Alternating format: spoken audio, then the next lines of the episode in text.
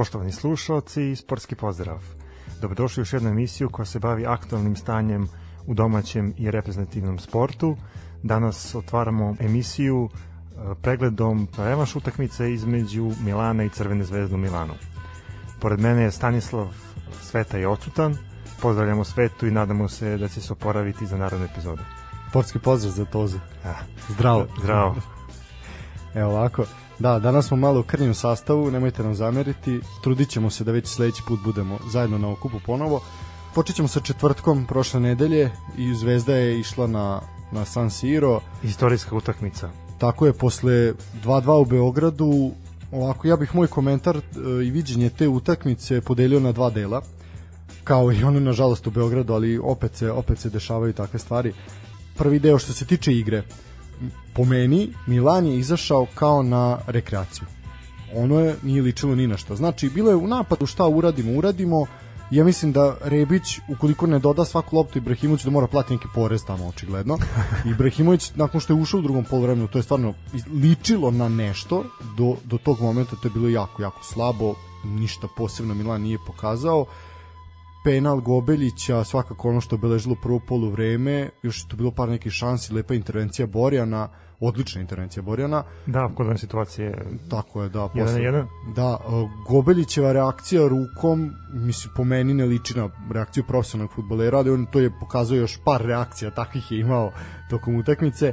1-0 na poluvremenu, Zvezda onda je ušla u drugo poluvreme bolje, bilo je tu bilo je to čak devet udaraca su uputili u drugom poluvremenu, jedan je do duše samo bio u okvir gola. Da kažem samo da je Ben izjednačio jel, u 24. minutu odlična, odličan pas. Da, i pre toga je ovaj, prethodila neka akcija gde je poništen zvezdi gol igranje rukom. Da, bilo je guranje rukom, mislim, ali vidio, evidentno je bilo da nije, nije Pankov uspeo da se da se ovaj opravda za onaj autogol. Da, da se iskupi. Da, tako je, malo smo požurili, Ben izjednačio pre, pre kraja prvog poluvremena, odličan pas Ivanića, Ben majstorski još jedan put je pokazao da je po meni naj, najfutbalskije stvorenje tamo u toj, u toj ekipi Crvene zvezde, da je čovjek je apsolutno potkovan za sve njih je klasa. Pokazao je to i ovim pogodkom. Završili smo polu vreme, Ibrahimović i Rebić su ušli, Rade Krunić je izašao, Rade Krunić ništa posebno nije uradio ušao Njegoš Petrović umesto Srnića, Kataj je ušao pred kraj, pred kraj utakmice poslednjih 20 minuta, ali videlo se da nije spreman.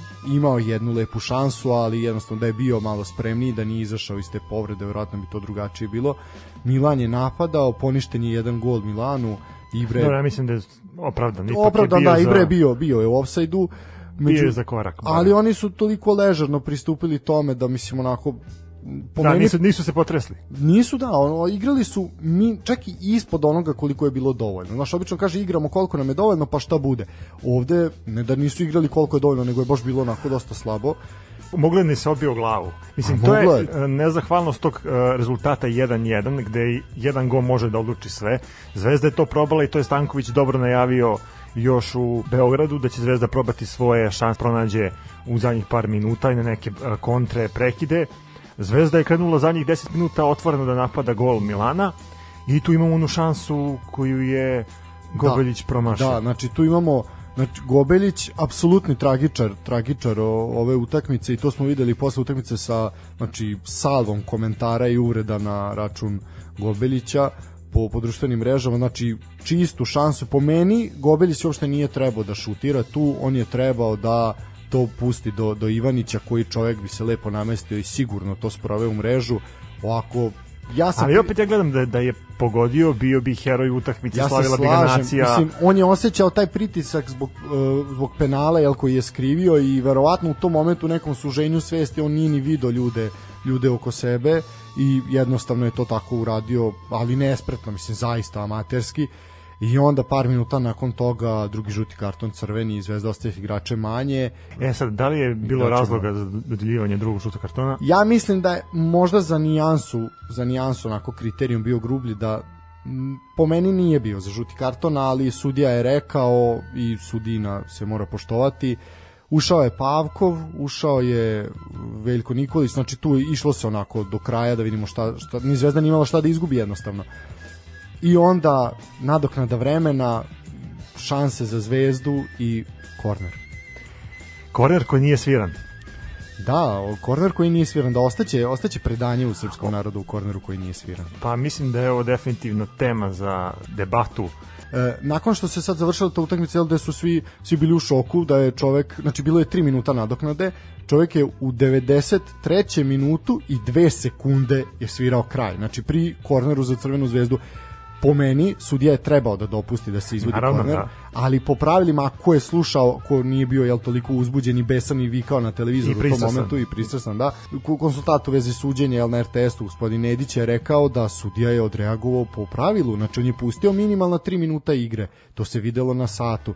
E sad da li je trebalo, nije trebalo, šta je legalno, šta je legitimno, to je sad drugo pitanje. Po meni je trebao da pusti sudija, sudija penal. Ovako stvara se neka ružna slika da se Milan uplašio zvezde, kako su to preneli naši mediji, ja sam pričao sigurno da toga nema veze sa tim, ali nakon na greška sudije, greška sudije, samo ću. Tim korijerom se dao povod za dalju debatu. Apsolutno, apsolutno, da, da je pušteno mislim, prvo, e, ovaj put je Milan izveo mnogo više igrača nego prošli put, znači pitanje da li bi uspeli da ih naskoče u u, u kazanom prostoru kao što se to desilo u Beogradu. Druga stvar, uh, Korir je bio sa leve strane, na Rajku Mitiću i izveden sa desne strane. Sa kontra strane, da. tako je. Da. Pitanje je da li bi lopta ovaj, bila toliko kvalitetna kao prvoj da, utakmici. ali sve kod tog drugog gola protiv Milana i kod drugog gola protiv Spartaka je uigrana akcija i nešto što Zvezda igra, znači gde se rokadama u, na petercu i izvan Stvar, peterca da, stvara prostor, prostor da igrač da izađe ispred odbrambenog igrača. I, I na prvu stativu naleće udara glavom. Mislim, to, to je uigrana akcija, ali jednostavno eto, sudija nije dozvolio, svirao je kraj bez navijača u Srbiji. Pa između ostalog i Stankovića. Stanković je poludo na, na outliniji. Pa dobro, Stanković jeste impulsivan i on ima tu emociju, ne kao Lalatović, ali, ali posjeduje temu emociju kriterija. Ali mislim svaki trener bi, bi tako odreagovao i mislim ne treba ne, njemu nešto ni zamerati, jednostavno ljudski je čovjek odreagovao kao neko ko je odigrao bezbroj utakmica, mislim što Lige šampiona, svega osvajao, sve i svašta, mislim da je njegova reakcija bila na mestu i onda povratak. E, taj, taj povratak, da. Da, povratak u Beograd, gde ih prvo čekaju navijači ispred stadiona, tako? Na aerodromu, da. Na aerodromu, tako je, na aerodromu, pa ispred stadiona. S tim da su celim autoputem pozdravljali svoje šampione. Da, da. Ovaj, I onda imamo, imamo to istorijsko izvođenje kornera u režiji Dejana Stankovića, na koje Pavkov jel, natrčava onako više nije, nije sporno čak ni to, ni to sve, ali ono što je zapravo sporno u celoj toj situaciji su pune tribine iza Stankovića. To se slažem, da ako imamo situaciju da, da su u tom periodu ove razmatrao mogućnosti uvođenja nekih uh, strožih mera. Čak mislim da su već bile donešene u tom momentu. Moguće. Bile moguće, su donešene, znači sednica kriznog štaba je bila u podne, to se dešavalo nešto posle toga. Znači mi zatvaramo, zatvaramo se na vikend, zatvaraju se restorani, ugostiteljski objekti, sve staje. E, znači za preko vikenda sve do, do 14 časova zabranjuju se okupljanja sve i onda imamo punu trebinu oko 1000 Ali imamo, ljudi. Uh, imamo još jednu sličnu situaciju u Indiji u to vreme igraju Partizan i Indija a, koliko sam ja dobio informacija a mislim da sam dobro ovaj, obavešten navijačima Partizana koji su hteli da iskažu podršku futbalerima Partizana nije omogućeno da dođu do stadiona da iskažu tu podršku. Da dočekaju igrače. Da, da dočekaju igrače. Ali e, njih nije bilo hiljadu. Njih nije bilo hiljadu, da, to se slažem. A, druga stvar, na drugoj strani, znači u Beogradu imamo krcate tribine pomoćnog terena, gde se pale baklje, gde se pevaju pesme, gde se stvara jedna atmosfera slavlja, kreće da se priča o toj zvezdinoj majestralnoj utakmici, da se ne lažemo, Zvezda je stvarno odigrala dobru utakmicu, ali eto, jednostavno Milan je golom u gostima prošao dalje i to je to, Zvezda se okreće kupu i domaćem prvenstvu, vidjet ćemo šta će biti u, u narodnom periodu. Tako je, Milan je za sledećeg protivnika u narodnoj rundi Lige Europe izvukao Manchester United, i mislim da protiv Manchestera neće proći tako lako kao protiv Zvezde, bez obzira što ni Manchesteru ne cvetaju ruže, ali moraće tu da budu, budu mnogo, mnogo ozbiljniji, s obzirom da su se sad ponovo, ponovo su ovaj, izgubili su el derbi, prvo su izgubili meč protiv Specije, pa zatim derbi protiv Intera, pali su dosta, dosta na tabeli Serie A, mislim da tu su snovi neke u tituli raspršene, tako da mislim da će se oni sad ozbiljno okrenuti Ligi Evrope i mislim da im je ovo bila opomena protiv Zvezde ako pristupe tako kao što su sad pristupili, znači bukvalno kao ekipa na rekreaciji, znači u odbrani šta se desi, desi se, idemo da pokušamo Ali oni su, pa, pazi, oni su napravili jako dobar rezultat u prvoj utakmici gde su dali dva gola na gostujućem terenu. Ali nisu... Mislim da, mislim da nije bilo, sa strane Milana koji je favorit, nije bilo pritiska kao uh, u prvoj utakmici. Prva utakmica je bila imperativ da se dobije, zato što je posle toga išla utakmica sa Interom i onda ide revanš da. kući. Mislim da, da Milan sve odradio u, ovaj, u prvoj utakmici i da se uopšte uh, prolazak dalje nije dovodio pitanje. Uh, zato, ja, zato ja lično ne, ne volim, pa, pa ni Ligu šampiona toliko, jer ta, taj kalkulantski futbal, mislim, to uvek treba ići za gol više, to je jedan od mota ove, ove, ove, ove emisije, znači uvek za gol više i meni, meni lično se takav, takav način, takva filozofija futbala ne sviđaju. No, šta je tu je? Ono što ćemo svakako nastaviti, tim koji nastavljamo da pratimo je Dinamo, to je jedini tim sa naših prostora koji dalje nastavlja svoj pohod ka evropskom snu. Da, oni su dobili Tottenham, ako se sam pravo. su Tottenham, prvi meč će se igrati na Maksimiru, Dinamo je odigrao odličan meč ponovo protiv Krasnodara, pokazali su su ozbiljna ozbiljna ekipa i ono što bih ja posebno onako naglasio, a to je da nije bilo preteranog slavlja. Znači, ok, prošli smo ozbiljnog protivnika, klupu ima ozbiljna ulaganja, ozbiljnu infrastrukturu, ali ništa, ok, rukovali smo se ili šakica je usledila ono, pošto sad nema rukovanja, idemo dalje, idemo sledeći meč to znači postavili smo standarde znači da idemo da želimo više. E sad ti ti pratiš HNL pa si verovatno upoznat bolje sa tom situacijom. Ja mislim da je ovo Dinamo trenutno najveći evropski uspeh u istoriji kluba. Pa izjednačili su ga izjednačili zapravo, izjednačili. Da. Prošle godine su isto isto to pod trenom Bjelicom su isto to uradili. Znači prošli su prošli su jel naredno kolo ovaj nokaut faze. Tako da vidjet ćemo sad šta se može protiv Tottenhema, ali pratit ćemo Dinamo pa ćemo videti. To je sad ostaje jedini naš klub sa ovih prostora. Dobro, nije baš naš, ali naš, sa ovih pa prostora. dobro, to su sve naše. dobro, za, za, Hajduk znamo da je naš. Za Hajduk znamo, da, da, da. I ovi se, ovi se, to su naši. Ono što ćemo svakako napomenuti, kad smo već kod Dinama, zašto ga ispominjemo, danas nas je napustila legenda jugoslovenskog futbala Zlatko Krančar. Cico. Cico Krančar.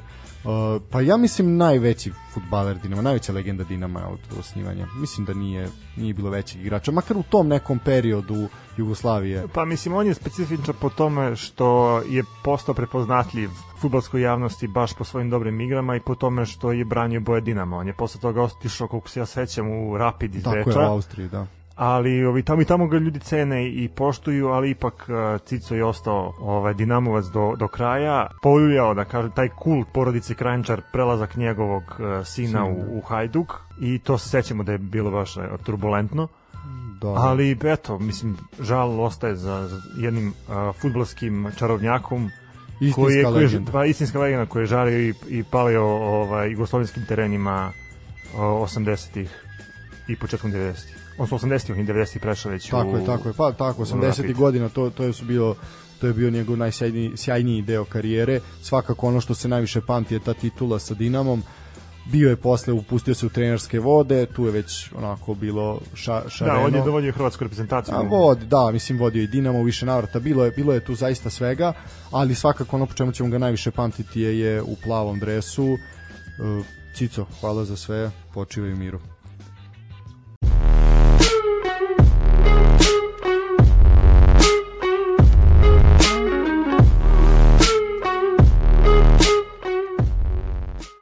Dalje sa pregledom Linglong Super Lige, 24. kolo bilo je na repertoaru petak, subota, nedelja.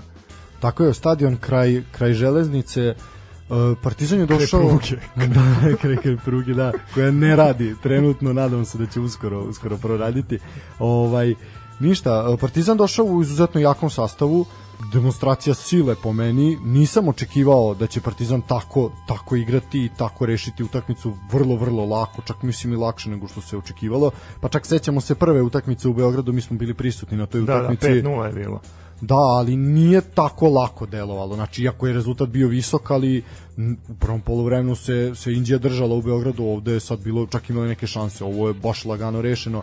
Ono što je bitno sad napomenuti, šest golova je viđeno, 14. gol Natka sa penala. Mislim da bi možda mogli dovedemo neku nagradu za golmana koji pogodi stranu kada Natko bude šutirao.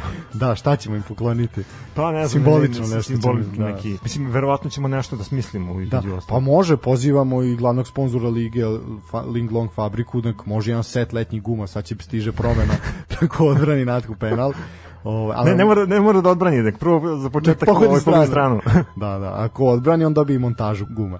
Ovako, znači 14. gol Natka sa penala, Natko bez promaša sa penala, Mladi Jović se ponovo upisao u listu strelaca, Uh, Asano je postigao jedan gol i namestio čak dva, znači dve asistencije ima Asano. Uh, zatim Lazar Marković ponovo potvrđuje dobru formu, novi pogodak. Da, i prati ga ponovo Miloš Jović. Tako je, Miloš Jović do duše onako više je tu Asano odradio posao, pa Jović samo natrčao, ali dobro i to se računa. I na kraju već u nadoknadi vremena Igor Vujičić drugi gol drugi gol popularno Kiflice, svaka čast, nema šta, čovjek je podigao formu isto ozbiljno i na krilima dobre igre celog tima i on i on pokazuje rezultate. Pa da, pa pokazuje napadačku pretnost u Imao Petercu. je jednu odličnu odličnu ovaj šansu u prvom poluvremenu, ali zaista zaista onako lepo igra i podigao je zapravo pokazao je sada tek Mislim, da je pravo pojačanje. To, to je sve ono što pričamo ove, ovih par epizoda. Partizan je podigao formu, Partizan je dobio na samopouzdanju sa Aleksandrom Stanojevićem. Tako je. I Partizan jednostavno je ušao u seriju pobeda. Tako je, to je već 12. utakmica u nizu, al tako? Ovako, šta, šta je bitno reći? Znači, Asano je izabran za igrača ovog kola, znači igrač 24. kola Linglong Super Lige Srbije Takuma Asano, postigao je jedan gol, imao je dve asistencije, kao što smo rekli, ukupno do sada, znači postigao je ove sezone 14 golova, od toga dva u kupu, na 28 utakmica. On je propustio samo jednu utakmicu. Znači, u svakoj drugoj je bio akter na terenu i to je bitno, bitno za napomenuti. Mislim, meni je Asano uh, jedan od bitnijih šrafova Partizana ove sezone i prošle godine je bio dobar, ali prošle godine jednostavno Sadik izašao ispred uh, svih njih, uh, što svojim partijama u Evropi, što u prvenstvu, ali ovo je definitivno Asanova sezona. Čak i u momentima na početku sezone kada Partizanu nije išlo, Asano je postizao golove, što je bilo malo netipično, obzirom da, da Asano nije klasičan napadač. Tako je, ali je čak i igrao u nedostatku napadača, igrao je na toj poziciji centralnog napadača i snalazio se sasvim korektno. E sad, ovo što moram da podelim sa vama, jedna jako interesantna priča. Asano je sa sobom iz Japana poveo i svog kuara, ovaj, pa je verovatno možda tajna u, u japanskoj hrani. Pa ili što je na Zlatiboru probao komplet lepinju. da, uneo je, uneo je, kaže da je tada uneo više holesterola nego što bi uneo sa svojom ishranom za mesec dana. Au. Da, da, da. Kalorija, pardon, ne holesterol, kalorija. Ovaj tako da pa dobri holesterola, Pa holesterol da, svakako je skočio holesterol ko je probao Zlatiborsku komplet lepinju, zna o čemu pričamo. Tako da je jedna potpuna dominacija Partizana u ovom kolu i lepa najava derbija protiv Vojvodine, to ćemo pričati nešto kasnije. Svakako, eto, oponent Partizana u narednom kolu Vojvodina je igrala u nešto kasnijem terminu tog dana protiv napretka. Prvo poluvreme ništa. Pa ali baš ništa. Ali baš ništa to pokazuje, mislim da je čitav uh, retrospektiva čitave utakmice, znači sažetak na YouTubeu mislim traje 2 minuta. nisu imali šta da vidimo. Ne, Prvo, samo su se igrači pozdravili na početku i odmah krećemo na drugo polovreme. Da, i odmah su promenili strane. Znači, ovako, Čović je bio strelac iz penala, jedan jako lep prodor mladog beka Vojvodine, gde je jednostavno pobego je odbrani, odbrana je morala da ga ruši, Čović je to lepo lepo iskoristio bio je napredak do, jednak na terenu sa Vojvodinom, znači nije to Vojvodina nešto posebno dominirala, kao što smo rekli prvo polovreme bačeno i to je zanimljiva statistika se pojavila, znači Vojvodina je do sada postigla 44 gola, od toga samo 11 u prvih 45 minuta, a 19. put, znači utakmica protiv napretka je 19. put da Vojvodina nije vodila na polovremenu. A, kakav podatak. Da, da, to je, to je onako baš zabrinjavajući podatak. E, imam informaciju da Vojvodina trenutno radi na tome da oformi jedan e, logističko-analitički blok e, pri svom klubu i mislim da, da će to mnogo njima značiti, jer oseti se kriza, ozbiljna kriza u redovima Vojvodine.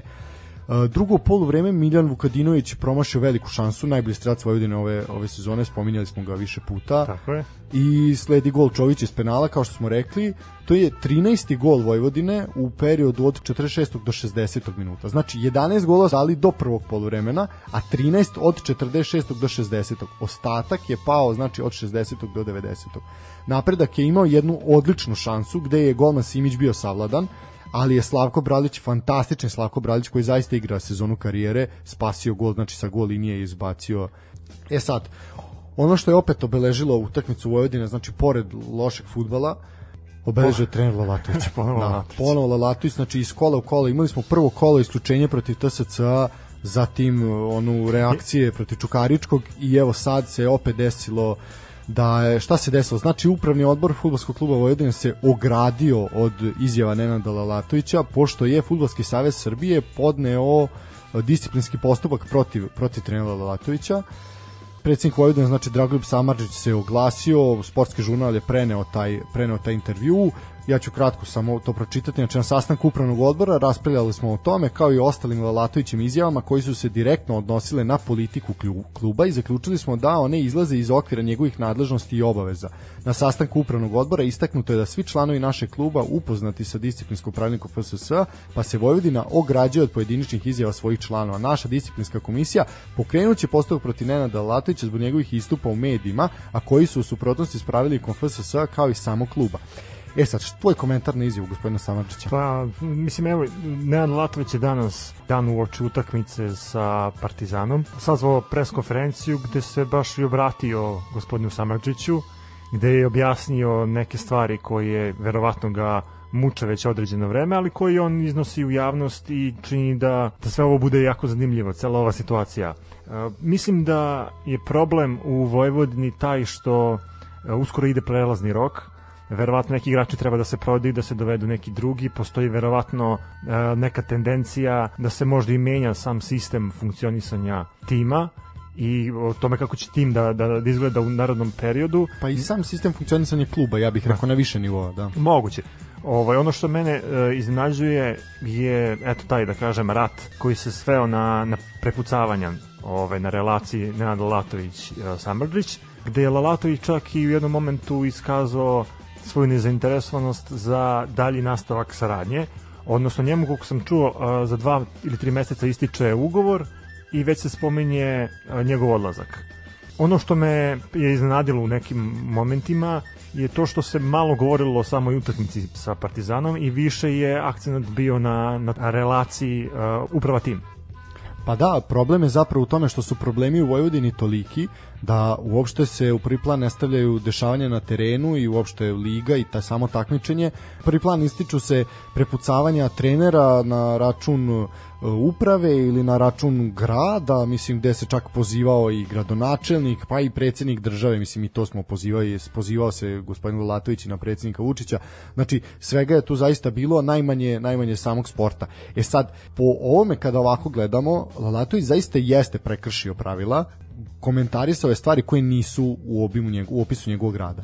Ali sa druge strane, Lalatović je skrenuo pažnju na to. Znači mi danas ne bismo pričali o problemima u Vojvodini, o tome da nisu isplaćene plate, znači da tu ne funkcioniše nešto u organizaciji, da, da on nije skrenuo pažnju na to, pa po cenu svoje kazne. E sad, znači šta je, šta je sad tu moralno, a šta je, šta je ispravno? Mislim, meni je celo to komentarisanje, odnosno zabrana komentarisanja sudijskih odluka ili nekih odluka koji se dese po okončanju utakmice jako jedna loša stvar za, za futbal sudija ponekad stvarno može da pogreši, ali ponekad su i treneri u pravu kada pričaju neke stvari.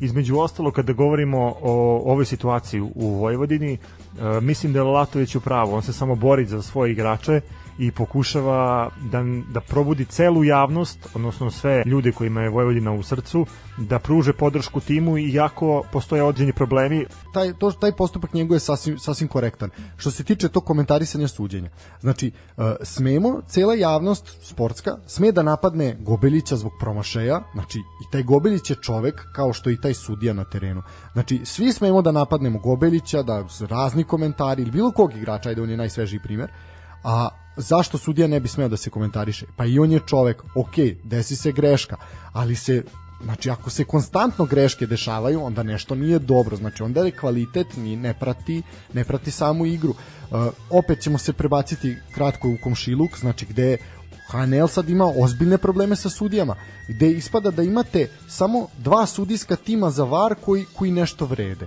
I sad imate 10, 10 timova, znači pet utakmica po kolu, a dva kvalitetna VAR tima. Pa dobro, kad komentarišemo već uh, sudije i sudijsku organizaciju u Srbiji, mislim, sama činjenica da u jednom momentu Milorad Mažić nije odgovarao da. uh, sudijskoj organizaciji, stvarno postavlja pitanje Pa ono, da li se vodimo kvalitetom ili kvantitetom u, u Superligi? Pa nažalost nema kvaliteta, nedostaje kvalitet u našoj ligi i to se to ćemo vidjeti kad pređemo na nedeljni na nedeljni raspored šta se dešavalo u nedelju na superliškim terenima, tačnije šta se nije dešavalo. Da, ovaj no dobro, to je to što se tiče Vojvodine. Idemo idemo znači u subotu. Subota Radnik Javor, po meni po meni to sasvim sasvim onako jedna odlična utakmica. Javor je bio bolji prvo poluvreme, nije nije uspeo da realizuje svoje šanse, mada ih je zaista imao. Radnik je bio tu dobar, bio je pristan prvo napadali su, ali svakako u drugom poluvremenu su dali gas i onda prvi gol, odličan prodor, tu nema šta, radnik je, vidi se onako, izdigli su se posle tog poraza od Partizana i zaista su odreagovali fantastično. Prvi gol nema, nema zaista svaka čast igračima. E onda drugi gol, neshvatljiva greška odbrane Javora. Sva četiri igrača u liniji su pogrešili takav trenutak nepažnje skoro nisam video znači da apsolutno znači od beka na jednoj strani štopera i drugog beka da su svi pogrešili. Znači totalno je ostao sa igrač je ostao sam sam na drugoj na drugoj stativi gola i lako sproveo loptu u mrežu za 2:0. Radnik nastavlja da lepo igra. E sad ono što je bilo još u tom terminu bitna da. informacija od kad je Radnik i Surdulica ušao u prvu ligu Javor ne može da ih dobije na gostujućem terenu, odnosno ne može da ih dobije u Surdulici već uh, sedam odigranih utakmica u Surdulici i Javor nema ni jednu pobedu. A tu zanimljiv, zanimljiv podatak vruće gostovanje u, u Surdulici. E sad, uh, pa po meni radnik ima kvalitet za Superligu, znači tu, tu ne sporimo to uopšte, znači odlični igre, ima naj, njihov, čovjek iz njihovih redova je najbolji strelac lige. Da, i pogotovo što ovo kolo uh, nije, nije, nije dao gol. Tako je, tako je. Uh, ali dobro imali smo drugog drugih igrača koji kaže maestralan solo prodor je bio apsolutno svaka čast, znači tu Milovanović je postigao pogodak u 63. minutu, znači zaista fantastično. E sad, e, najavili smo da će pucati u Novom pazaru i pucalo je. Pazar Mačva 4-0. Mislim da je Mačva završila učešće u Superligi. Pa ja isto mislim. Da, ovim, ovim porazom neće se vratiti po sloga. Znači imali smo debi novog trenera u pazaru, e, sećamo se prošlog kola i saopštenja utakmice protiv Javora, poništenog gola, zamalo tuče na terenu i onda nije moglo bolje da počne. 4-0, odlična reakcija ekipe, fantastično, pucalo je, moglo je da, znači, ko je gledao prenos arene, video je da mogo, Pazar je mogao da daje još 4 gola. Znači, moglo je da bude 8-0. Igrali su Viktoriju ispred gola mačeve. Apsolutno, apsolutna eliminacija. Sise, Gigić, znači već u 10. minutu je bilo 2-0. Gigić je to čovjek koji je dao gol konačno u Superligi, mislim čekao se tako dugo. I to je dao svom bivšem klubu i ono što mene jako nervira, evo već e, dva kola za redom, u prošlom kolu Gavrić je dao Gomačvi i nije se radovao i, i u ovom kolu je Gigić dao Gomačvi i opet se nije radovao. Ja mislim, gledam kao te futbalere i sve što ide vezano za futbal i tu modernizaciju futbala, stvarno to mi je nekako remećenje takmičarskog duha. Savetujem u EFU da stvarno uvede neke ovaj kazne za, za, za ljude koji ne, koji se ne raduju pri postizanju gola svojim bivšim ekipama. da, uh, mislim, to ima, ima smisla, ali ja sam pričao siguran... Mislim, shvatam ja kao poštovanje sve da. to, ali ti, majstore, posle utakmice lepo, idi u slačonicu protiv pozdravi ekipe, se, pozdravi se i, i to je to. Tako je. Uh, mislim, prvo, da je bilo nekoliko hiljada ljudi na stadionu u Novom pazaru, kao što to obično bude, pogotovo utakmici koja je ovako bitna za opstanak siguran sam da bi bio salto, znači radili bi svašta. To onako ponesete ta atmosfera kad su prazne tribine, jednostavno onako oni to odrađuju kao na treningu.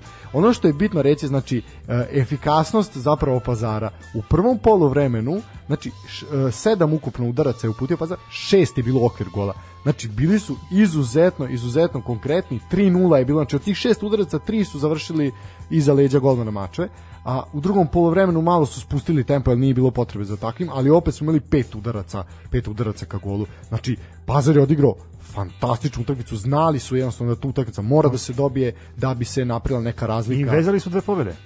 Tako je, Pazar odlično igrao na proleće, da, ne, bez, bez, bez spora. E sad, idemo dalje.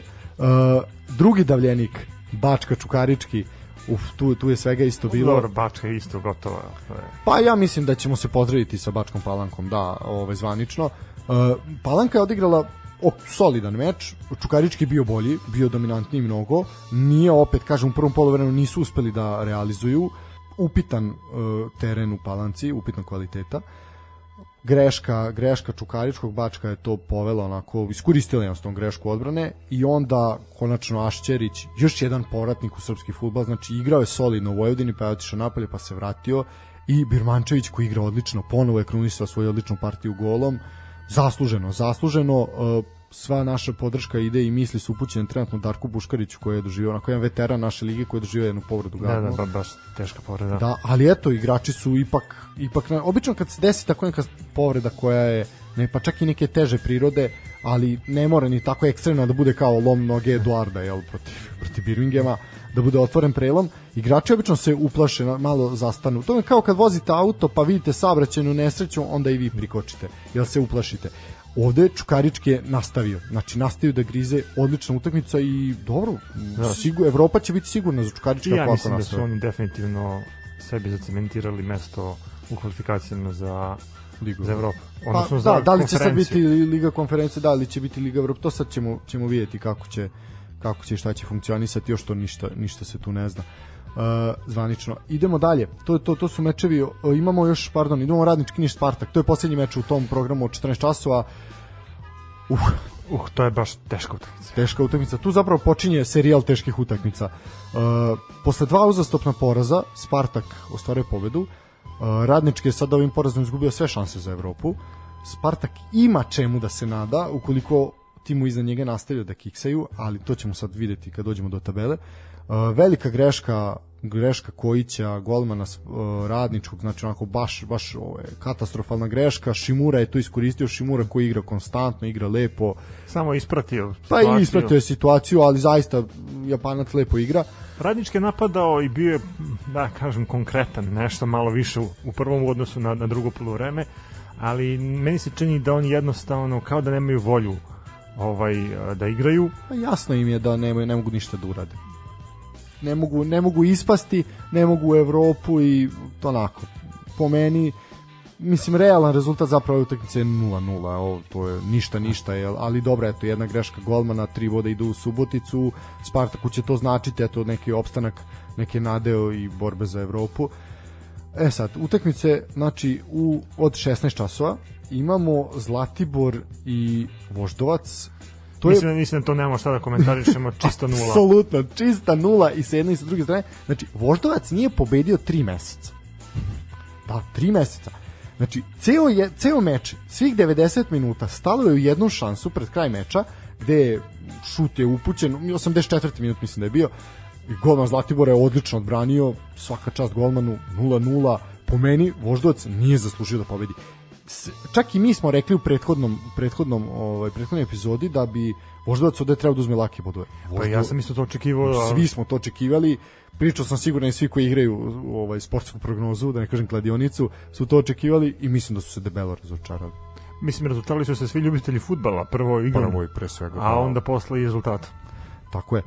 Uh, ajmo, ja bih sad prvo radi mladost, pa onda bi metalci da se ostaju za kraj. Znači, to je uh, jedini meč gde je viđen pogodak u, u, tom, u tom terminu od 14 časova i ništa sem tog pogodka nije vredno komentarisane. Milan Bojović, znači jedan iskusan super, superligaški igrač koji zaista već godinama se uh, od igraju u Vojvodini mladosti, znači nema da ga ni bilo u Jagodini svoje vremeno, znači Bojović je postigao pogodak. Se samo je protutnjao pored obrambenih igrača da našao se u situaciji 1-1 sa Kahrimanom, poentirao i eto to je to je sve što je vredno pa da, mislim ra, Rad jeste napredao mladost je zapravo za celih 90 minuta imao taj jedan šut okvir gola kad je Bojes dao gol. Uh, Rad je napadao ima veći posed lopte sedam udaraca okvir gola ali ništa ništa ništa. Znači tu nešto posebno nije viđeno. Uh, pričat ćemo, Rad još ima, ima čemu da se nada, ali ako Pazar nastavi da igra ovako kako bude igrao, to će biti biti jako teško da opstane u ligi. E sad, idemo na utakmicu od koje sam ja lično očekivao najviše. Mislim, jako sam se razočarao. Metalac, Gornji Milanovac, TSC Bačka Topola 0-0. Očekivao sam četiri gola. Pa ja sam isto očekivao da, da, da pršte golovi na obe strane. Da. Jer su obe ekipe stvarno kvalitetne, imaju dobre igrače, pokazali su u dosadašnjem delu prvenstva da stvarno igraju kvalitetan futbol. Tako je. Mislim, TSC je čvrsta ekipa.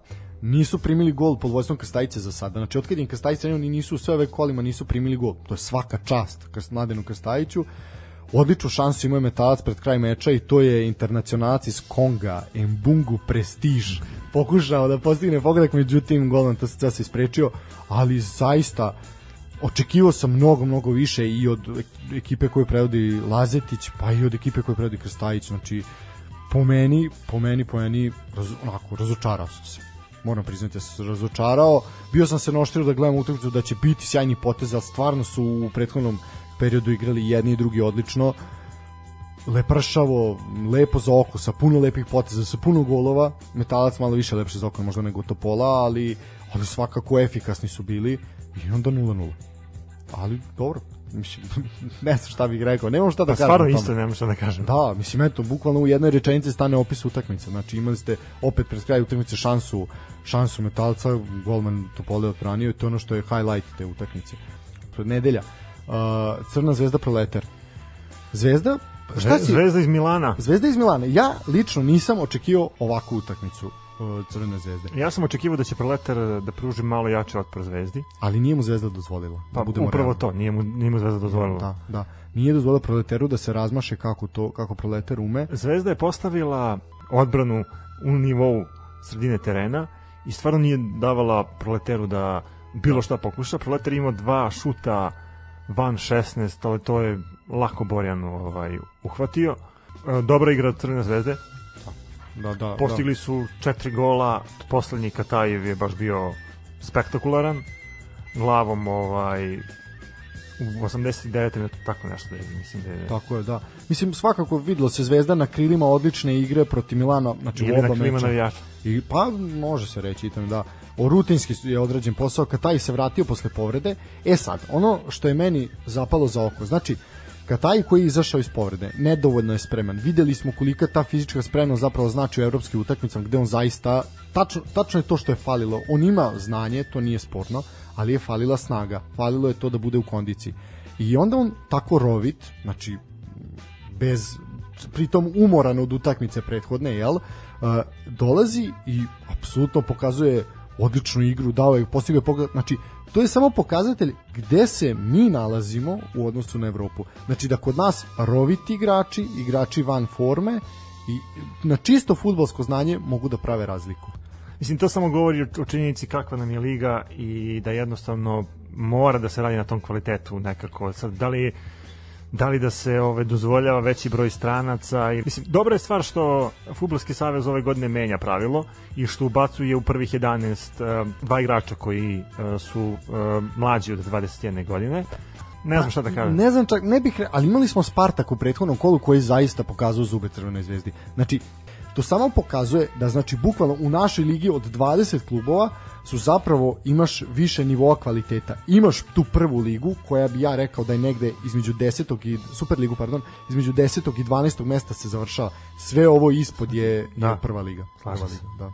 Tako da Mislim da za početak treba smanjiti, po meni, smanjiti broj klubova, stranci nisu trenutno problem, ali broj klubova se treba smanjiti i eto, sledeće godine ćemo imati 16 klubova i što ja opet mislim da je previše. Znači, za početak 14, pa onda smanjivati. Ja bih opet opet se sad pravim digresiju, mislim toliko mi je taj Dinamo bio upečatljiv ovaj u četvrtak. Znači imaš e, ligu od 10 klubova. Dobro, Hrvatska je manja teritorijalno, manje stanovnika, manje fudbalskih centara. Znači ajde da bude 12 recimo.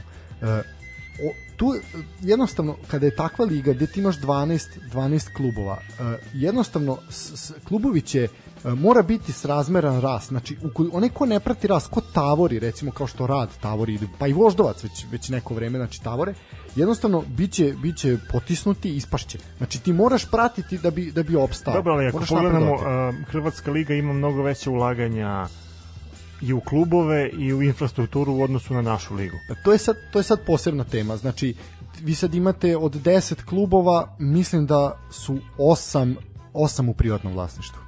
Znači, to su sve privatni konzorcijumi, strani konzorcijumi. Znači, to su stranci. Evo, poslednja vest je da je Šibenik preuzeo kolumbijski da, konzorcijum. Da. da. I imaju, imaju dva kolumbijica u ekipi. Ali Šibenik igra fantastično ove sezone. Vi kad bi gledali utakmicu Šibenika, bilo koju, mislim, dobili su Dinamo, čemu pričamo. Znači, utakmicu uh, Šibenika i kad, koji je, ne znam, sedmi na tabeli, sad otprilike nisam siguran, i znači realno u borbi za opstanak i kad biste videli kako oni momci igraju i uporedili pa našeg sedmog na tabeli, a da ne pričamo o 14. 16. ili 20. O, o timovima koji se bore za opstanak u našoj ligi to, to, to je drugi univerzum. Totalno, prvo, fizička spremnost. Znači, to je ono što, što je glavna stvar. Fizička spremnost, a ne mogu da, ja ne mogu da shvatim da sad mi nemamo takve uslove da mi ne možemo da fizički spremimo naše igrače.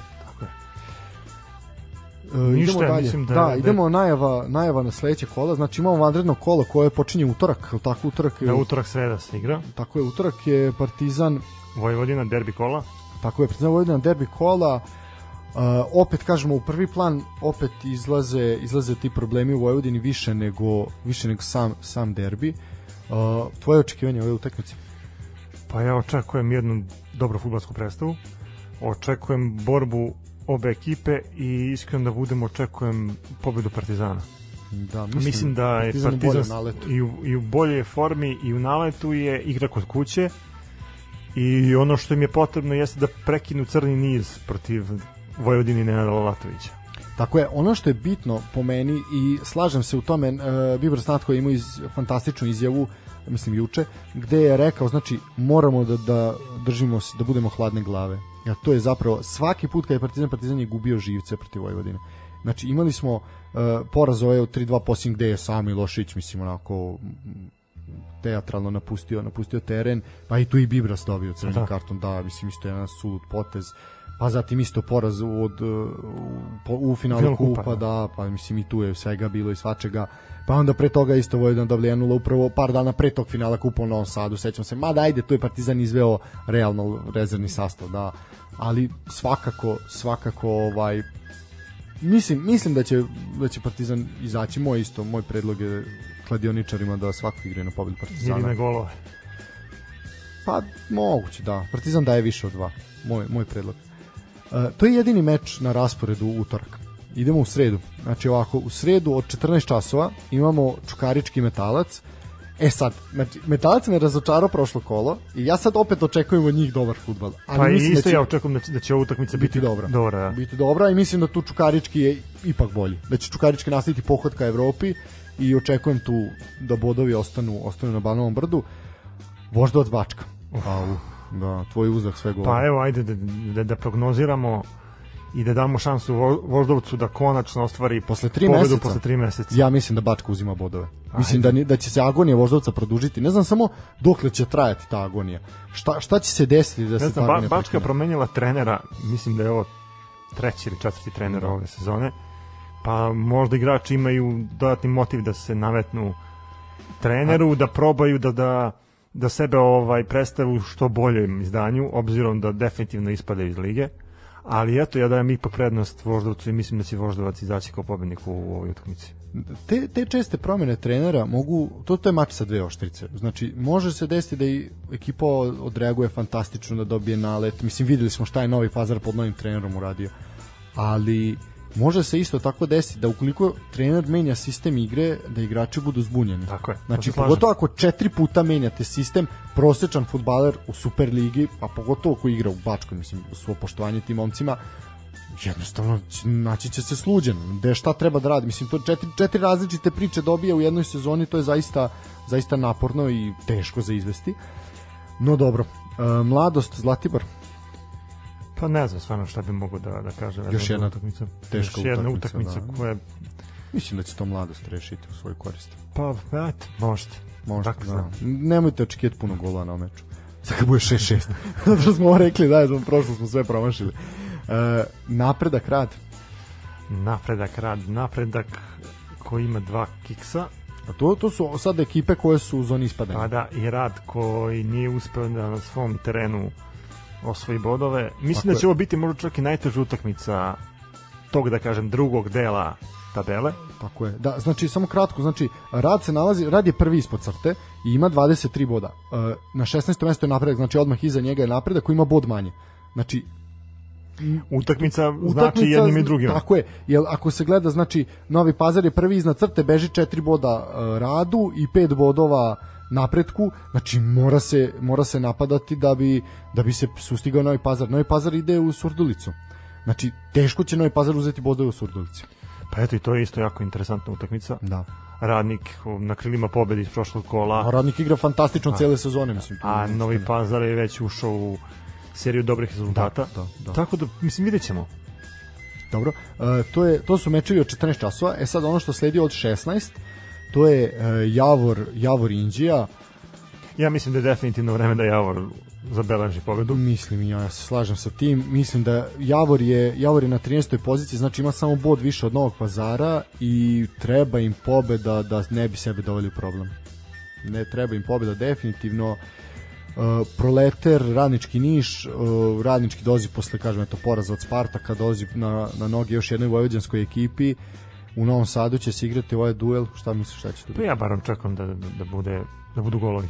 Da, pa mislim da je Proletar mogao... Mislim da, da i Proletar i radnički, mislim, komentarisali smo to, da. nemaju neku ambiciju, dobro se kotiraju na tabeli i mislim da će tu biti otvorena utakmica, tako da preporučujemo možda da igrate golove ako ćemo da savjetujemo da, kutak za kladioničarski trenutak. Uh, I sledeći meč je Spartak, znači Vojvođanski derbi imamo jedan, to je Spartak Subotica Mačva, uh, očekujem da tu Spartak reši taj meč svoje koriste, da se primakne da. još malo Čukaričkom i da se nada, nada nekom, nekom mestu u Evropi. Mačva, mislim da Mislim da je ta priča rešena. Mislim da je priča da je rešena. Direktan duel u Novom pazaru, Novi pazar ih je, je ovaj, isključio iz bilo kakve borbe za opstanak. I onda jedna zanimljiva utakmica, Crvena zvezda ide u Sentu. Uh, to je jako teška utakmica. Teška utakmica I za Crvenu je... zvezdu i ispit za Krstajića. Tako je. Šta misliš, da li Mladen Krstajić može da nastavi seriju bez primljenog gola? Mislim, ajde ovako prvo da, da, da iskomentarišemo. Uh, TSC je ekipa koja je prošle godine osim Partizana i Indije, ja mislim da sam u, u pravu, uspela da Zvezdi uzme bodove. Tako je, da. A, očekujem isto borbenu utakmicu. I to tri boda, oni da, su pobedili. Da, da, da. Očekujem čak i da eventualno TSC napadne Zvezdu ovaj, odmah od starta i stvarno vidjet, mislim vidjet ćemo šta, šta može da, da, da ja da očekujem, da zanimljiv, očekujem zanimljiv duel da. to svakako da. Pogotovo što sad, sad je, mislim Zvezda je realno imala emocionalno praženje znači imao si pražnjenje sve šta se desilo, to je naboj emocija protiv Milana, što u Beogradu pa opet tamo u Milanu i sad je platio je proleter, znači bukvalno su platili tu cenu. E sad dolaziš, znači ispao si iz Evrope, gledaćeš kod kuće kako, kako Manchester igra protiv Milana umesto da dolazi u Beograd ovaj, i, i ti treba da ješ u Sentu. Koliko će zapravo biti motivisani igrači ne, biće motivisani definitivno. Na TSC igra jako dobar futbal. Pritom je ekipa koja se ne predaje tako lako. I mislim da će ovo biti ispiti za Mladena Krstajića ovaj, protiv Zvezde obzirom da je igrao za Partizan i da, da srca navijaša Partizana su uperena ka Mladenu Krstajiću verujući da može Zvezdi da uzme bodove, a između ostalo biće to ispit i za, i za Zvezdu da nastavi sa pobedničkim nizom. Tako je. Uh, vidjet ćemo, vidjet ćemo šta će se šta će se dešavati, onako zanimljiva, zanimljiva utakmica će biti. Uh, kratak samo osvrt na tabeluma da smo rekli ono što je najbitnije, znači Bačka je Fenjeroš sa 14 bodova, prati Mačva koji dalje ima utakmicu manje, znači čeka se utakmica protiv Crvene zvezde, 17 bodova, Zlatibor Čajetina na 18. mestu sa isto toliko bodova, 18. Uh, Indija na 17. mestu sa 22 boda. Indija još ima čemu da se nada u borbi za opstanak napredak isto sa 22 boda, rad sa 23. Znači, te tri ekipe po meni imaju čemu da se nadaju u borbi za u borbi za opstanak, mada se zaista pitaju samo Javor i Novi Pazar. E sad, ono što je zanimljivo, pošto ima još zaista dosta kola da se igra, Voždovac ako nastavi ovako, Voždovac je na 30 bodova, Voždovac ako nastavi naredna dva kola da ne osvaja bodove, oni će Možda. ispasti. Pa mislim da to neće ovaj biti upitno, obzirom da, da Voždovac sad igra utakmicu koju bi trebao da reši u, u svoju korist. Ali eto, vidit ćemo, nikad se ne zna, futbal je nepredvidiva igra. Tako je, tako je. Uh, kao što smo rekli, znači Pazar je prvi iznad crte uh, sa 27 bodova, znači četiri više od rada, Javor 28, Voždovac 30, znači to ako, ali ja ne vidim kako Voždovac može da se trgne, ali eto, demantujte me, Zmajevi, pokažite šta znate. Mladost 11. sa 31, Mladost je tu već, već sigurna, već dalje metalci, radnički rinš, kao što smo rekli, nemaju šanse ni za Evropu. Radnik i proletar, to su tako, znači, bukvalno ono, minimalne, minimalne, u promilima se mere šanse za Evropu. Topola i Subotica... Pa mislim da oni, da oni ne, nemaju ambiciju da jure Evropu, oni su da, ali dobro. Na, na, poziciji koja njima omogućava da jednostavno privedu sezonu mirno, kraja. Da. Mirno, mirno, da, bez neke turbulencija. Uh, zatim eto Spartak i TSC imaju čemu da se nadaju pogotovo što ne znamo kako će se razvijati kriza u, u Vojvodini i koliko će to zapravo ovaj uticati na rezultate videli smo da se Vojvodina muči uh, Čukarički je četvrti sa 48, Čukarički igra fantastično, pobedom u narednom kolu, Čukarički može da izbije čak na treće mesto. Partizan je drugi dalje sa 59 i utakmicom više u odnosu na Crvenu zvezdu koja čeka, kao što smo rekli, okrše sa mačom. Kad spomenuo Partizan, mislim da je neko uradio observaciju vezanu za pobednički niz Partizana. Partizan Dobro. ako bi uh, od ovog trenutka nastavio da pobeđuje sve utakmice, mislim da bi prešao uh, 100 bodova. Ali opet ne bi bila garancija da bude prvak. Tako je da video sam to. Pa da, ali imali smo imali smo onu uh, projekciju fudbalske observatorije koja je projektovala da će Zvezda osvojiti 106 bodova. Znači jednostavno, ali dobro, imamo imamo jedan večiti derbi, a kao što rekao ja ako negde Crvena zvezda može da se oklizne pod znacima navoda, to je to je u Senta. To je u Senta, da. to je Senta, svakako eto, bila je na ivici da se oklizne protiv Spartaka. Znači, u posljednjim trenucima se Zvezda spasla svoj odličnom igrom. Jesu napadali celu utakmicu, ali ipak je Spartak zaista pokazao da može da se igra i odlično se borio. To bi bilo to za, za našu ligu. Za sad, idemo kratku pauzu, pa prelazimo na, na parkete.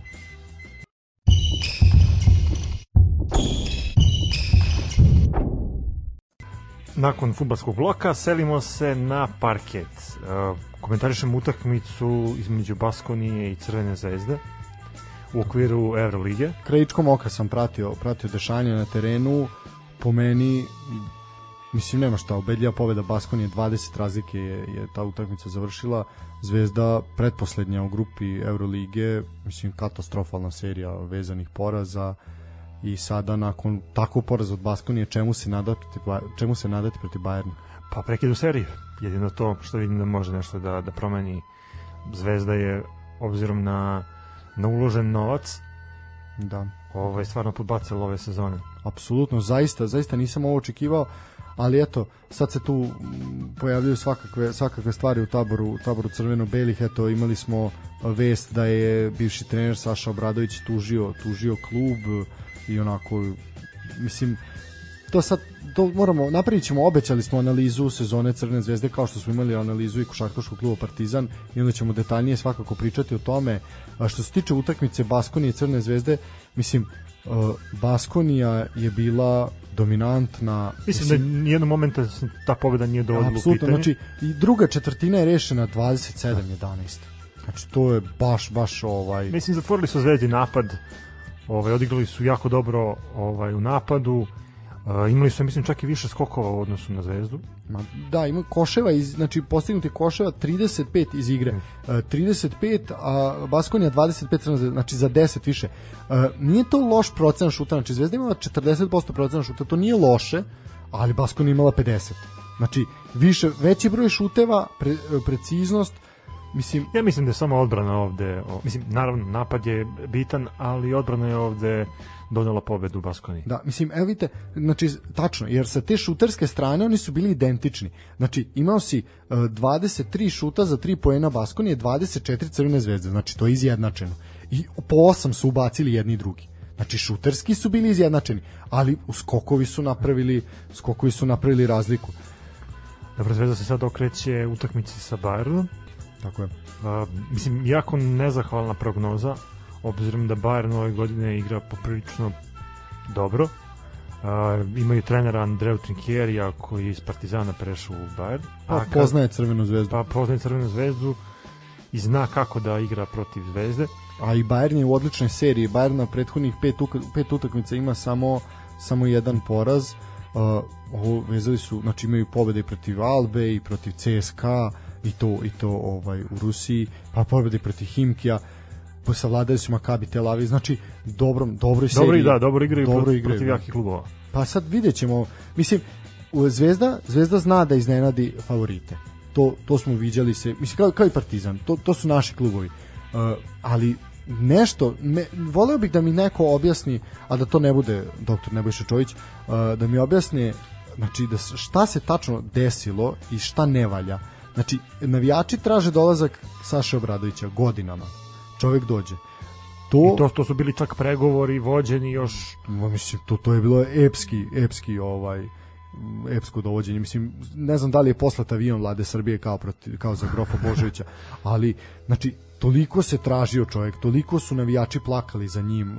Pritom Uopšte, ja, dobro... sportska javnost, mislim da. Da, da ali dobar je stručak između ostalog i zvezdaš. Apsul, apsolutno, to niko ne spari. Znači, on imao odlične rezultate i očekivalo se da će podići zvezdu na jedan viši nivo, znači pogotovo mislim posle Milana Tomića i takve stvari. Mislim, sam početak sezone je navlačio da da Zvezda može ove godine da napravi nešto u Euroligi. Odnosno, uh, i Nebojša Čović je pričao baš o tome da oni ove godine napadaju sam vrh Euroligije. Kako su došli u poziciju da, da sa napadom na Euroligu dođu do toga da budu jedna od najgorih ekipa? Pa red poslednji, da.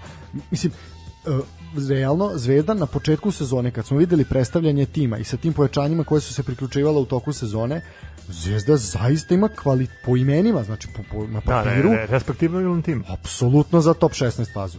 Znači, i, i za više. Po meni i za više. I ovo mi je bila ozbiljna šansa, pogotovo da u ovoj COVID godini, kada su svi kilavi i pitanje ko zna kako su trenirali i kakvi su uslovi svuda širom Evrope, da, to, da ne urade nešto ozbiljno, konačno. I onda spektakularan podbačaj. Spektakularan. Mislim da ovo ni u najluđim snovima nisu sanjali da ovako može da se završi. Ali šta je to tačno krenulo po zlu, voleo bih da mi neko objasni. Prosto ne shvatam. Saša Obradović je radio posao kako je radio.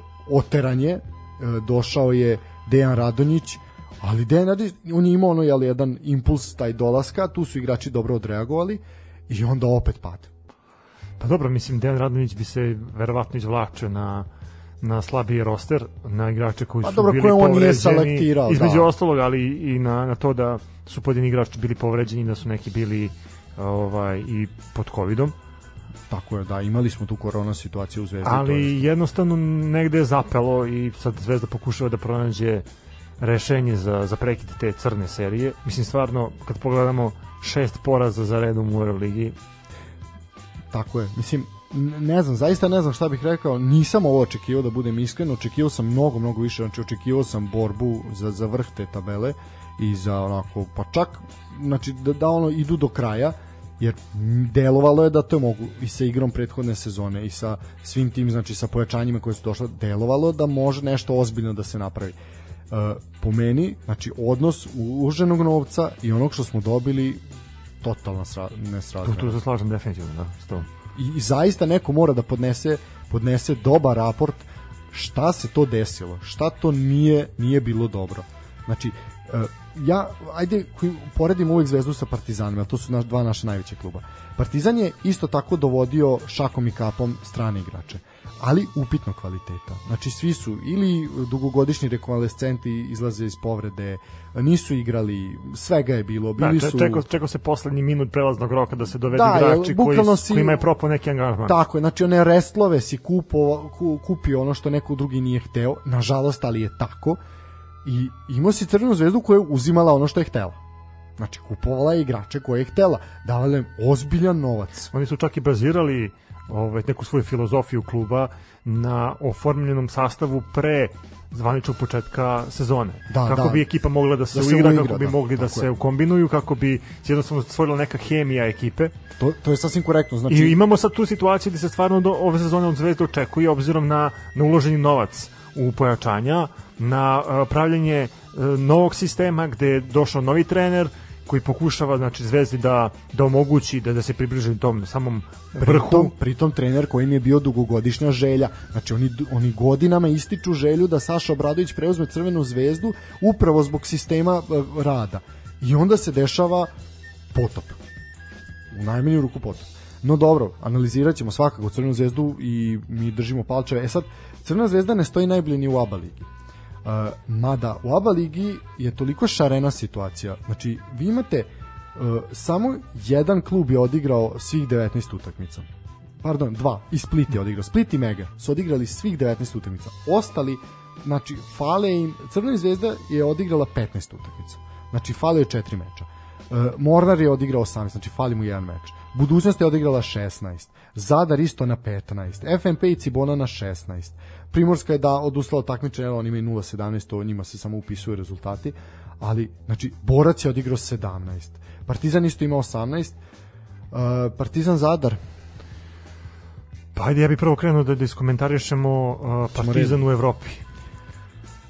Ovaj, ide sad utakmica u Italiji. Da ali nakon ovog zada, da, mi smo pričali, svakako smo najavili u toj pauzi e, utakmice jel, proti, u Eurokupa koje su ostale, ali nije bila dobra najava za taj meč. Mi smo najavili tešku utakmicu protiv Zadra, otišlo je u produžetke, na četiri još nešto jeste, jeste, da se ne lažemo, jeste bila teška utakmica. Teška kao i uvek. Poslednja četvrtina je, je bila ključna za Partizan. Partizan se u jednom momentu trgo i počeo da se bori i počeo da igra uh, čušće odbranu, počeo i da pogađa. Ono što mene tu iznenadilo, Eh, jesu Partizanovi eh, mladi igrači koji su doneli preokret, tu pre, prethodno mislim na Trifunovića, mislim na, na dobru igru Jaramaza, uh, mislim na dobru igru i Radovanovića koji je uneo, da kažem, sežinu ovaj, u prvu petorku Partizana u momentima kada je ulazio sa klupe. Uh, došli smo do situaciju produžetka, uh, ja sam očekivao da Partizan tad može da napravi nešto i na kraju, eto, Zadar je pobedio, da se ovaj, ne lažemo zasluženo, potpuno. Mislim, od Partizana se nije očekivalo da, da briljera u ovoj utakmici, ali eto, napravili su barem neizvesnu završnicu i utakmicu su odveli u pružetke. Tako je. Rošon Thomas je vukao Partizan je bio najefikasniji igrač utakmice. Perkins ima odličnu rolu, Trifuno isto kao što smo rekli. Rade Zagorac konačno se malo izdigao ovaj prijala pa, mislim, kako god se izdigne Rade Zagorac, on se čak i povredi na toj utakmici, da, nešto da. ima neku Ali odigrao povredu. Je, odigrao je 20 op... minuta je odigrao. Pa da, mene opet čudi loša partija Nemanja Dangubića. Da, mislim, to, šut, to opet... šut mu je katastrofa, blago rečeno katastrofa. I čovjek provede 34 minuta na terenu. Ali realno je da sad Partizan ima problema sa povredama uh, i sa koronom i sad svašta se tu dešava. Sad, su, sad ih je udarilo, sad su desetkovani uh, nije im se to dešavalo to koje sezone, ali sad kad je najbitnije im se to desilo, i realno nema ko da igra. Pa da, mislim, imamo situaciju da je Partizan uzeo iz juniorskog pogona, uzeo igrača da bi mogo da, da popuni roster. Tako je, da, pa Partizan je otišao u Zadar sa 10 igrača. I, ne, I opet, znači, ako se sve to uzme u obzir, onda nerešeno protiv Zadra i poraz dva razlike u produžetku nije tako strašno. Da, da, to se slažem. Mislim, Ali, stvarno, ljudi su očekivali laganu pobedu Zadra, i još jedan poraz Partizana. Uh, Partizan je taj poraz doživeo, to je neminovno, ali je doživeo na mnogo teži način. Da. Mislim A... da Partizan sad ima pet utakmica za redom ovaj, izgubljenih. Da, tako je. E, sad, e, ono što je, ali sve, ajde, ta ABA liga svakako se stavlja po strani, jer to nema, nemaju nikakav oni motiv u toj nema Dobro, mislim da tu da treba onda pružiti šansu mlađim igračima. Partizan ima luksus taj da može da pruži da. šansu da. mlađim igračima između ostalog. Mislim da da je ovo vreme koje Trifunović mora da iskoristi i da se nametne treneru i da stekne samopouzdanje za naredne sezone koje dolaze. On mora biti nosilac igre u narednim sezonama, mora to da pokaže da li on da li ima materijala za to, ja mislim da ima. Uh, utakmica Trento Partizan to je ono što sledi, znači 3. marta na rođendan Duleta Vujoševića u 20 časova. Au, biće teško. Biće teško, baš teško. Mislim, pričali smo, znači, Partizan je dobio Trento, ali to je svakako to za naš, koji još jednom pozdravljam ovim putem, rekao da to nije bila prava slika Trenta i ja se slažem sa njim. Znači, mislim da će Trento opasno pokazati zube Ali opet mislim da i Trento i Partizan imaju problem sa igračima. Tako je, ali mislim da je Partizan u većem problemu. To, da, to ćemo da vidimo. To ćemo vidjeti, ali da, mislim, biće, biće Mislim, očekuje se, očekuje se povratak Pejđa, koji može Partizanom da donese prevagu, ali ajde, vidjet ćemo. Mislim, Partizan se ove godine naviko da na neizvesne završnice, naviko nas je na pesimizam između ostalog, što nije odlika ovog tima za njih par godina. Tako je. Tako da, ajde, vidjet ćemo šta će ispasti na kraju. Mislim, idealna situacija bi bila da Partizan pobedi Trento, jer mislim da bi sa tom pobedom definitivno zakoračio ka narednoj fazi. Ne more, more da pobede Trento i onda dolaze dolaze Francuzi, dolaze u Beograd gde mislim to mora da se dobije, mora se revanširati za onaj meč koji je izgubljen, znači tu jednostavno ono makar igrali sa slomljenim rukama i nogama morate kad smo te utakmice sa kad smo kod te utakmice sa Francuzima u javnosti se povela polemika vezana za pomeranje utakmice odnosno se utakmica ne igra u hali sportova, nego da se utakmica čak igra u Sloveniji. U Sloveniji. Da, ba šta se tu desilo zapravo? Znači, uh, to je sad odluke, odluke države. Uh, Francuska država, znači, uh, svaku, svaki građan, svi građani Francuske, znači, koji napuste teritoriju Evropske unije, nakon povratka u Francusku moraju da budu u karantinu 7 dana. E sad, da bi se to izbeglo, znači da ne bi ljudi bili u karantinu, da bi mogli redovno da ispunjavaju svoje obaveze, predloženo je, Partizan je predložio u dogovoru sa sa, Sloven, jel, sa Slovencima da se igra u Sloveniji. I po meni je to odličan potez bez obzira što nema navijača pritisak postoji u Beogradu. Da, da, mislim da će mislim da će značiti značiti igračima Partizana a i mislim da je jedan lep lep potez onako da da eto da se omogući ljudima da Pitanje je sad ka, šta bi se desilo da, da na primjer Partizan nije izašao sa tom opcijom. Da li bi Francuzi došli u Beograd i rizikovali karantin ili šta kako ili bi bio registrovan rezultatom 20:0 Mislim, mislim da se definitivno ne bi registrovalo rezultatom 20:0 pronašla bi se neka opcija verovatno bi ovaj kontaktirali Uleb našlo bi se neko rešenje ali mislim da ovo Partizanu zbog pritiska odgovara da se m, privremeno izmesti iz eh, Beograda. Mislim da to je jako dobra stvar i podržavam tu odluku. Prevashodno baš iz tog razloga pritiska koji Partizan ima već duži period. Tako je, tako je. Znači, ipak, ipak će igrači tamo biti u nekoj vrsti karantina, znači gde, pa čak ni kad te neko sretne komšija na ulici, ono, pa, pa neće moći da ti nabije, nabije neku tenziju i mislim da to, mislim da će to, to može da može bude plus za Partizan. Nakon toga Partizan čeka Cibonu, Cibona isto ABA liga, znači katastrofa je i za Cibonu ove godine. Neću puno komentarisati tu, mislim tu tu može biti zaista svega, ali to Partizanu treba da bude priprema za Francuze i za odlučujući meč meč da vidimo šta će, koji je rasplet u Evrokupu. Mislim, vidjet ćemo prvo šta će biti u Italiji, da, pa na osnovu da, tog rezultata iz, iz Italije možemo da, da kalkulišemo kako će Partizan da se ovaj postavlja u te dve utakmice koje mu preostaju. Tako je. Uh, što se tiče same ABA lige, uh, budućnost je savladala i Gokeju 87-82, odlična utakmica je to bila. To je po meni možda čak i bio derbi kola. Da, pa svakako, budućnost zaista pokazala uh, silu. E, imali smo hrvatski derbi, Cibona Split, i mislim da se navijači Hajduka pa i košarkaškog kluba Split to oni podržavaju isto isti klub ovaj konačno raduju u pobedi protiv zagrebačke ekipe 76-74 Split igra odlično Split igra odlično ove sezone, zaista su po meni prijatno iznenađenje uz borac iz Čačka i zaista onako sam pozitivno iznenađen. Uh, mega pro, igrala utakmicu protiv borca, još jedna Dobro, odlična, to je odlična srpski utakmica. derbi. Srpski derbi, da, odlična, odlična utakmica, ali mega je tu pokazala ipak. Mislim, da dobra utakmica prevashodno i jednih i drugih. Da, da, o, da. Ovo Nijanse se lučivale, ali Mega je po meni ekipa koja ove godine stvarno igra izvanrednu košarku.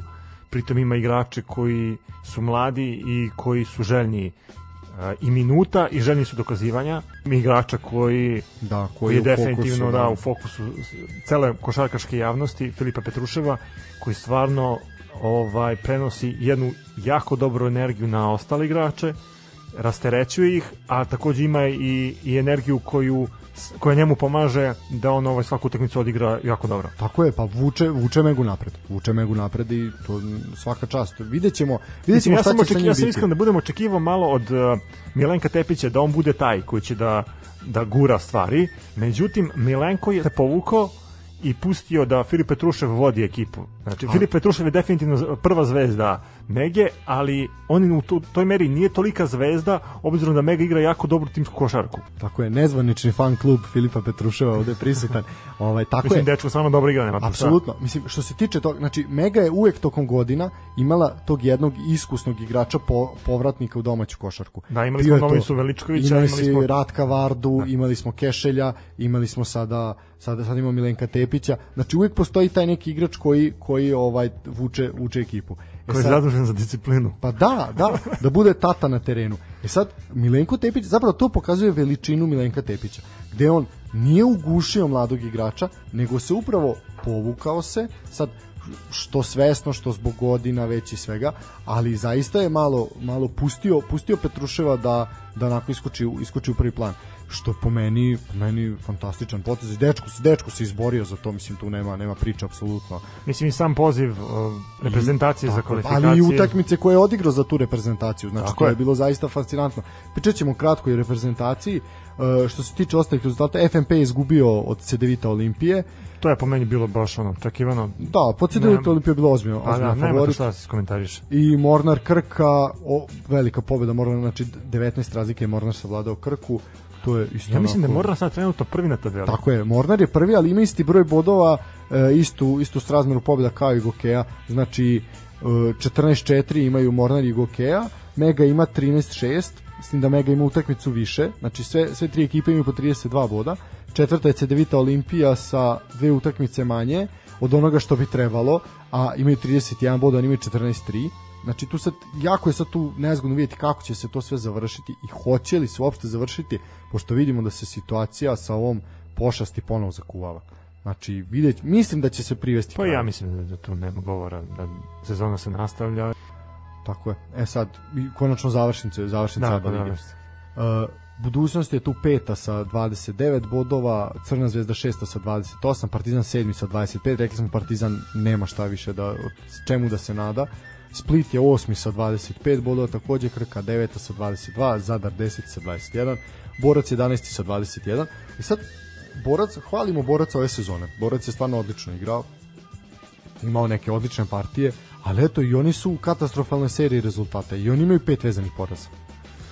Pa jeste, ovaj, ali njihova košarka je košarka koja je obećala i od njih se i ne očekuje da, da prave, da kažem, neke dobre rezultate, ali stvarno su iznenađenje definitivno ABA lige, obzirom da, da znamo s kojim budžetom su ušli u sezonu. Pa u i... Split, u Split svakako, da. E sad, dalje je FNP na 12. mestu, isto sa 21 bodom, onda ide Cibona sa, na 13. mestu sa takođe 21 bodom, kao što smo rekli, Primorska je odustala, odustala od takmičenja. Uh, to bi bilo to što se tiče ABA lige, kratka vest u vezi reprezentacije, znači ovako, uh, turnir kvalifikacija za olimpijske igre koje treba da se igra u Beogradu, uh, trebao je da čini, uh, u grupi su trebali da igraju Srbija, Dominikanska republika i Novi Zeland, međutim Novi Zeland je odustao od takmičenja, neće doći u Beograd, a umesto njega stiže a po meni najložačkija ekipa na svetu koja kako si to rekao? Da moram da iskoristim taj termin jer zapravo oni to jesu to je ekipa koja toliko misli da zna da igra košarku oni mislim jesu imali neke rezultate tokom istorije ali ali mislim da oni oni se nadaju prolasku oni su oni mislim su... ajde prvo da počnemo priču vezano za samo lobiranje da Beograd bude domaćin tog da. turnira naš košarkaški savez je stvarno uložio velike napore i E, taj neuspeh na svetskom prvenstvu uticao na to da se stvarno okrenemo ka tim olimpijskim igrama, jer mislim da možemo uz, uz Amerikance, Pance i neke druge reprezentacije da budemo favoriti za osvajanje medalje. Političkim putem je moralo da, da se da se lobira da bismo dobili tu organizaciju. Mislim da je Srbija definitivno tu favorit. Apsolutno. I mislim da se uopšte ne dovodi pitanje odlaska na, na olimpijadu. Pa pogotovo, mislim čak i sa sastavom koji smo imali ovim utakmicama kvalifikacija za Eurobasket, mislim da Dominikansku republiku i Filipine koliko god da oni bili borbeni na terenu i beskreno simpatični svima u svetu da, da mislim to moramo lagano da rešimo bez, bez, nekih, bez nekih trzavica većih i da odamo na olimpijske igre i što da ne, nadamo se medalje.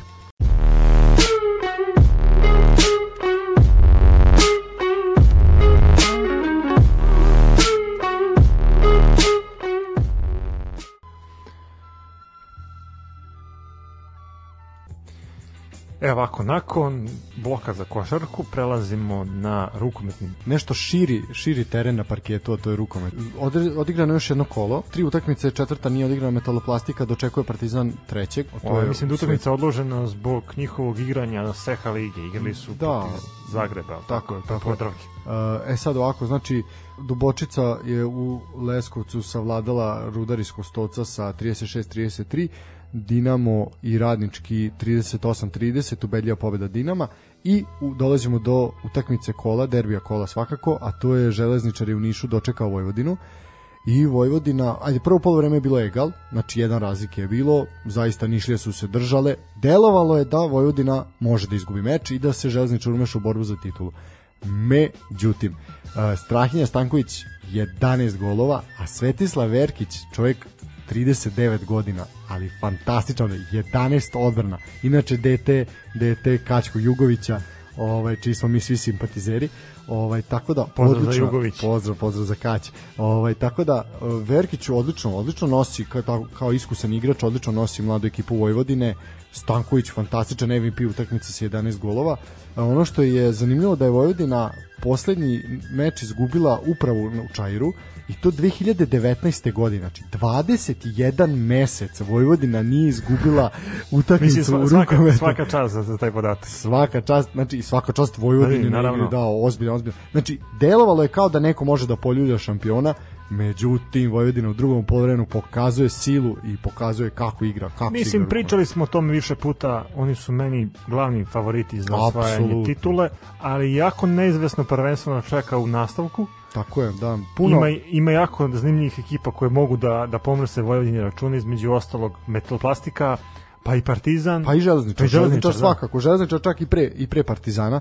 Znači, po meni to su to su ovaj svakako Vojvodina naravno prvi prvi konkurent mislim Vojvodina eto jedina jedina ima 2:0 ovaj što se tiče jel, prve dve utakmice videćemo šta će šta će se desiti na meču Metalplastike i Partizana tu isto isto onako jedan ozbiljan ispit pa i za Partizan i za Metalplastiku videćemo šta će se dešavati. Što se tiče sledećeg kola Vojvodina dočekuje Dubočicu u Novom Sadu. Dubočica je znala da poremeti račune favoritima ove sezone u regularnom delu takmičenja. Uh, vidjet ćemo sad šta će se desiti. Mada ne očekujem ne očekujem puno mislim da će to Vojvodina sigurno sigurno rešiti. Uh, ono gde je Vojvodina mogla da se oklizne da taj termin ponovo iskoristimo je zapravo Niš i eventualno Šabac tu, tu može da se desi nešto. Već u Beogradu protiv Partizana pa i protiv Dubočice dosta teže. Ali ajde vidjet ćemo, ima ne dosta znam, ja ne, bi, ja ne bi otpisao ni Dinamo iz Pančeva, oni imaju sasvim solidnu ekipu, dobro se drže, igraju neki pršavi, da se tako izrazim, da. rukomet, ali sve o svemu mislim da stvarno treba ispratiti ovaj završnicu ove naše lige jer ima jako dobrih uh, i pojedinaca i jako dobrih klubova i mislim da stvarno posle dužeg vremena imamo Tako četiri ozbiljne kandidata koje mogu da pretenduju za titulu. Tako je. Nakon nekoliko godina tavorenja ovaj gde zaista je to bilo onako na jednom dosta upitnom, upitnom nivou. E, sada, sada konačno imamo zanimljivo prvenstvo, opet sve pohvale RTS-u na prenosu. Da, da, i RTV-u. I RTV-u, tako je, i mislim da će RTV prenositi meč, trebalo bi da prenosi meč Vojvodine i Dubočice. Uh, osim toga, znači u sledećem kolu Radnički iz Kragujevca dočekuje Železničar. Železničar će pokušati da izvida rane protiv Radničkog, neće to biti ni malo lako. Uh, derbi Partizan, derbi kola je po meni Partizan i Dinamo Pančevo. Da, definitivno. Ali pre toga, znači, Partizan mora da odigra za oslu utakmicu protiv metaloplastike i onda samo kratko, znači, igra, uh, svi su igrali za vikend, Partizan igra u sredu i već u subotu dočekuje dočekuje dočekuje Dinamo iz Panča, znači jedan onako ozbiljan ozbiljan raspored. E, takođe Rudar će u Kostolcu dočekati dočekati Metalplastiku. Mislim da Rudar tu nema šanse. Oni igraju, ali ipak Metalplastika je mnogo kvalitetniji tim, pritom Metalplastika igra Seha ligu, igra jedan rukomet na, na malo većem nivou. Na totalno različiti nivo. Ništa, stanje na tabeli za sad je jasno, Vojvodina je prva, 2 od 2, Partizan ima utakmicu manje, Dinamo ima jednu, jednu, jednu pobedu, jedan poraz, Metoplastika nije odigrala svoj meč, ovi ostali dalje su se poredali jel, sa, sa Dubočice još ekipa koja ima jednu pobedu, jedan poraz i Železničar, poraz od Vojvodine, jel, kao smo rekli, Radnički rudar za sad bez pobede, mislim da neće ni puno bodova skupiti jedne u tim mečevima između pa, sebe. Upravo tako, da. da. Uh, to je manje više to, znači pratite, pratite rukomet, zanimljiva sezona, pratite prenose i na RTV-u, a i na RTS-u i to bi bilo to.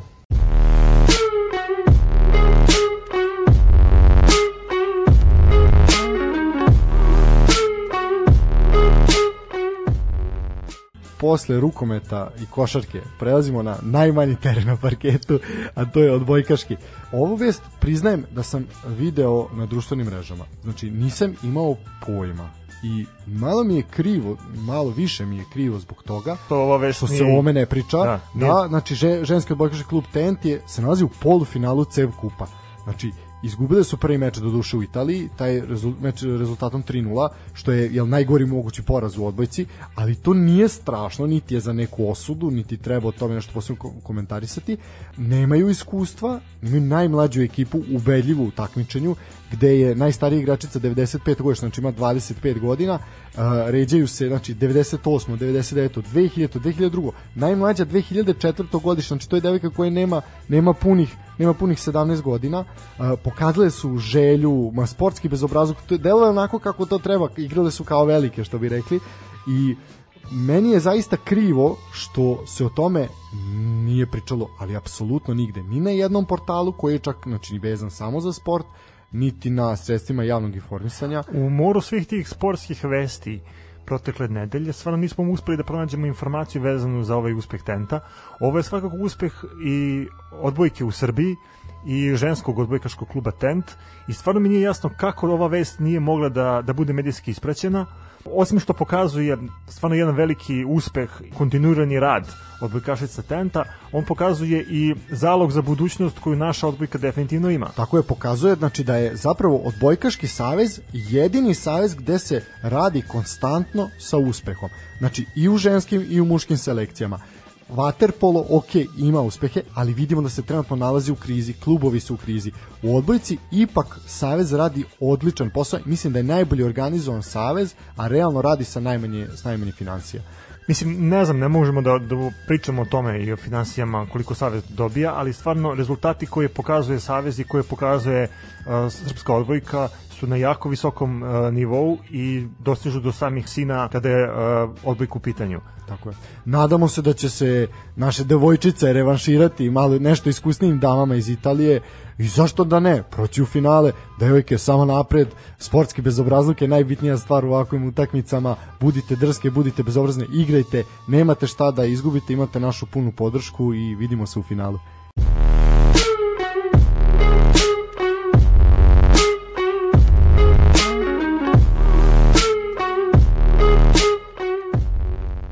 Poštovani slušalci, odjavljujemo ovu emisiju. Do nekog drugog slušanja, sportski pozdrav.